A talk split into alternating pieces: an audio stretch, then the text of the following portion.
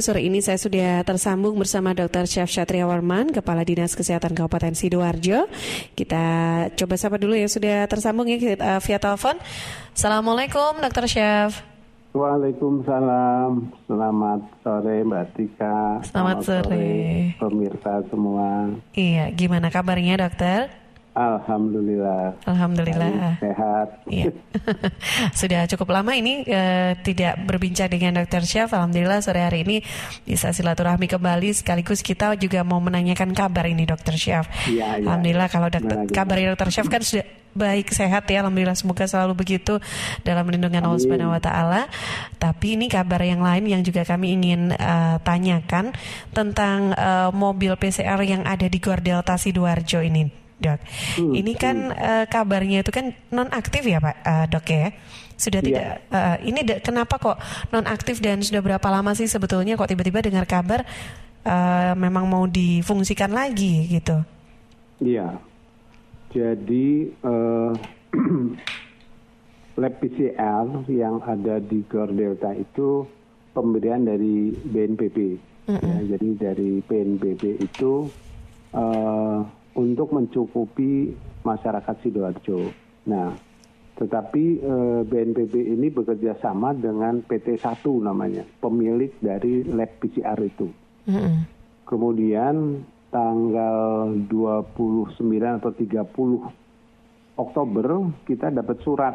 Suratnya ditujukan ke BNPB pusat, mm -hmm. eh, kemudian provinsi tembusannya termasuk Dinas Kesehatan Sidoarjo yang menyatakan pemberhentian sementara untuk uh, lab tersebut karena dalam pemeriksaan BPKP. Jadi klarifikasi BPKP termasuk kemarin mendiskusikannya dengan dinas kesehatan gitu. Mm-hmm.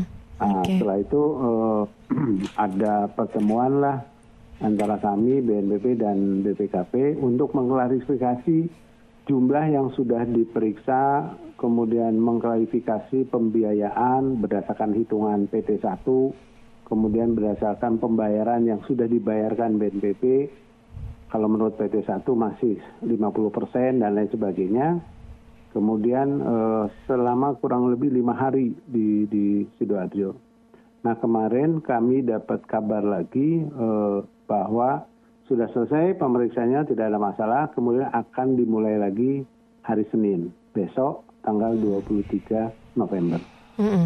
Jadi okay. intinya hanya sebagai klarifikasi dari dari BPKP sementara dihentikan, kemudian eh, sekarang eh, mulai Senin besok sudah bisa difungsikan kembali, gitu.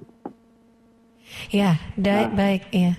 Gimana okay, dokter? Uh, jadi mm -hmm. mungkin masyarakat kan pasti bertanya selama mm pemberhentian ke mana kita memeriksa. Nah, hmm. jadi kami kemarin memutuskan setelah mendapatkan surat itu, pokoknya per tanggal 1 November semua hasil pemeriksaan lab di wilayah Sidoarjo atau yang di puskesmas-puskesmas tersebut kita kirim ke Dr. Sutomo dan uh, lab uh, eh, PCR yang ada di BPTKL. Jadi hmm. uh, dua tempat itu uh, juga tidak ada masalah hasilnya empat hari lima hari sudah keluar gitu. -hmm. jadi uh, hanya hanya istilahnya itu kami sebetulnya tidak mengeluarkan uang karena semuanya masih ditanggung oleh negara.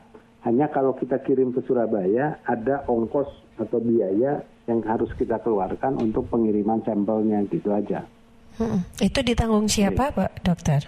Dalam? Untuk uh, biaya ininya ditanggung siapa dinas dinas kesehatan dinas, jadi harus ya. mengeluarkan anggaran itu oh. untuk uh, apa mengirim sampelnya ke Surabaya. Surabaya. Jadi maksudnya mengirim sampel gini kami menugaskan kurir mm -hmm. untuk setiap hari ngirim itu gitu loh. Nah, mm -hmm. itu kan kurirnya harus uh, mendapatkan honor gitu. Jadi mm -hmm. mengeluarkan biaya termasuk BBM-nya. Nah, mm -hmm. ini kalau dikirim ke Surabaya.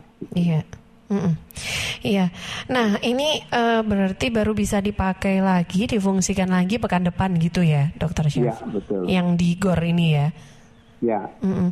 Berarti uh, sudah normal uh, bisa untuk swab semua sudah langsung bisa, bisa digunakan lagi gitu kan? Uh. Ya, jadi uh, sebetulnya labnya mm-hmm. ini sudah dari sekarang melakukan uji coba kembali mm-hmm. supaya nanti hari Senin sudah bisa running, sudah bisa berjalan. Nah, oh, okay. besok mm-hmm. ada data yang di puskesmas yang biasa kita kirim ke Surabaya mulai besok datanya sudah kita kirim ke lab PCR sehingga hari Senin hmm. bisa di running, hmm. bisa dijalankan. Nah, eh, sisi lainnya eh, kami mencoba menyampaikan ke kepala puskesmas di seluruh sidoarjo. Nanti kita akan bagi penjadwalan mulai Senin membuka eh, pendaftaran untuk masyarakat umum tapi kuotanya masih belum banyak. Mungkin satu puskesmas hanya 20 per harinya itu. Jadi nanti dibagi 26 puskesmas itu 13 ngambil,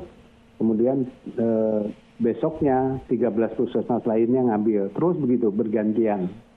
Nanti satu puskesmas masing-masing ada kuota yang kita berikan hanya 20 untuk mengambil eh, pemeriksaan untuk masyarakat umum. Nah, hmm tapi tapi syaratnya yeah. kita harus membuat dulu uh, untuk pendaftaran, baik itu lewat uh, email atau lewat uh, uh, Instagram yang nanti akan kami sampaikan uh, dengan kepala puskesmas supaya nanti teman-teman uh, kepala puskesmas membuat ID-nya, kemudian masyarakat bisa mendaftar lewat itu gitu. Jadi uh, implementasinya untuk masyarakat mulai hari Rabu, insya Allah sudah boleh memeriksakan mm. uh, swab di puskesmas. Hmm, okay. baik. Uh, ya, uh, berarti memang kalau dari mesin ini uh, setelah mungkin lama tidak digunakan itu memang butuh waktu untuk bisa apa normal lagi digunakannya gitu ya, ya dok ya. ya. Hari ini mereka sudah sudah hmm. uji coba uji coba, jadi mulai hmm. mulai Senin besok sudah running lagi. Iya. Ada masalah kok. Oke, okay. baik.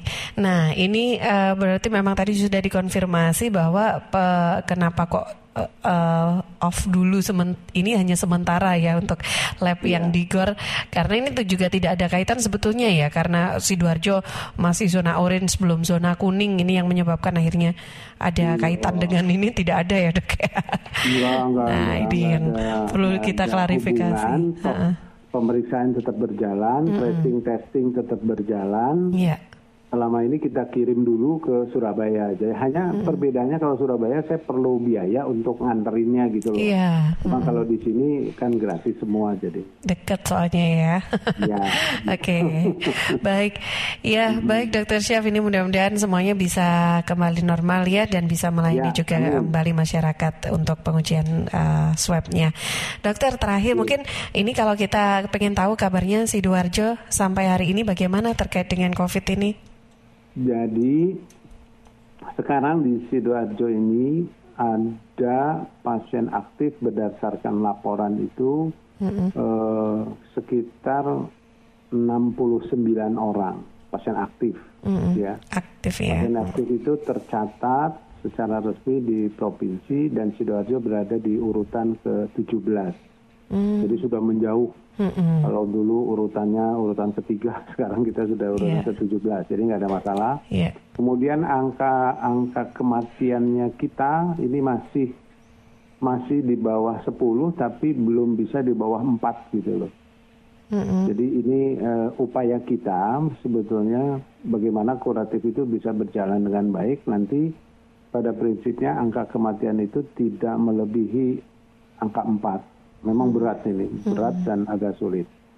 Kemudian angka kemunculan kasus konfirmnya itu dalam satu minggu tidak melebihi 90. Oh, alhamdulillah. Nah, kami yeah. kami sudah memberi target sebetulnya di hmm. dinas kesehatan itu hmm. kita punya target kalau bisa jangan lebih dari 70 gitu. Hmm. Tapi tetap saja sehari-harinya ada saja yang tiba-tiba loncat lah jadi 15 nanti turun lagi jadi 9 nah itu kan nggak tergantung situasi juga gitu mm -hmm.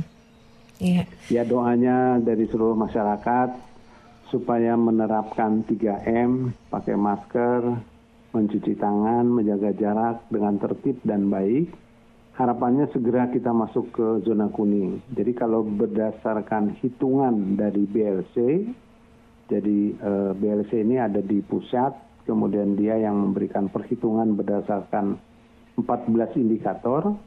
Ya, Sidoarjo sudah nilainya sangat sedikit lagi untuk bisa ke zona kuning. Hmm. Jadi hanya memerlukan 0,005 tuh. Wow. Hanya sedikit sekali. Sedikit Jadi sekali mudah-mudahan mudah-mudahan ya dalam minggu-minggu ini kita sama-sama menjaga kondisi di masyarakat, jangan sampai ada yang tidak memakai masker, jangan sampai ada klaster baru. Ini, ini yang harus saling jaga, saling tolong, saling memantau dan memberitahukan, menginformasikan supaya semuanya berjalan dengan baik. Gitu. Harapan kami sesegera mungkin sidoarjo segera bisa kuning lah. Amin, amin. Baik. Amin. amin. Ya, Baik, Dokter Chef, terima kasih sekali ya. lagi luar biasa jeripaya dari teman-teman juga dari dinas kesehatan ini yang teman-teman uh, apa uh, dari puskesmas juga semuanya yang sudah ya. berjuang juga tentunya mudah-mudahan selalu diberikan perlindungan dan kesehatan, Dokter.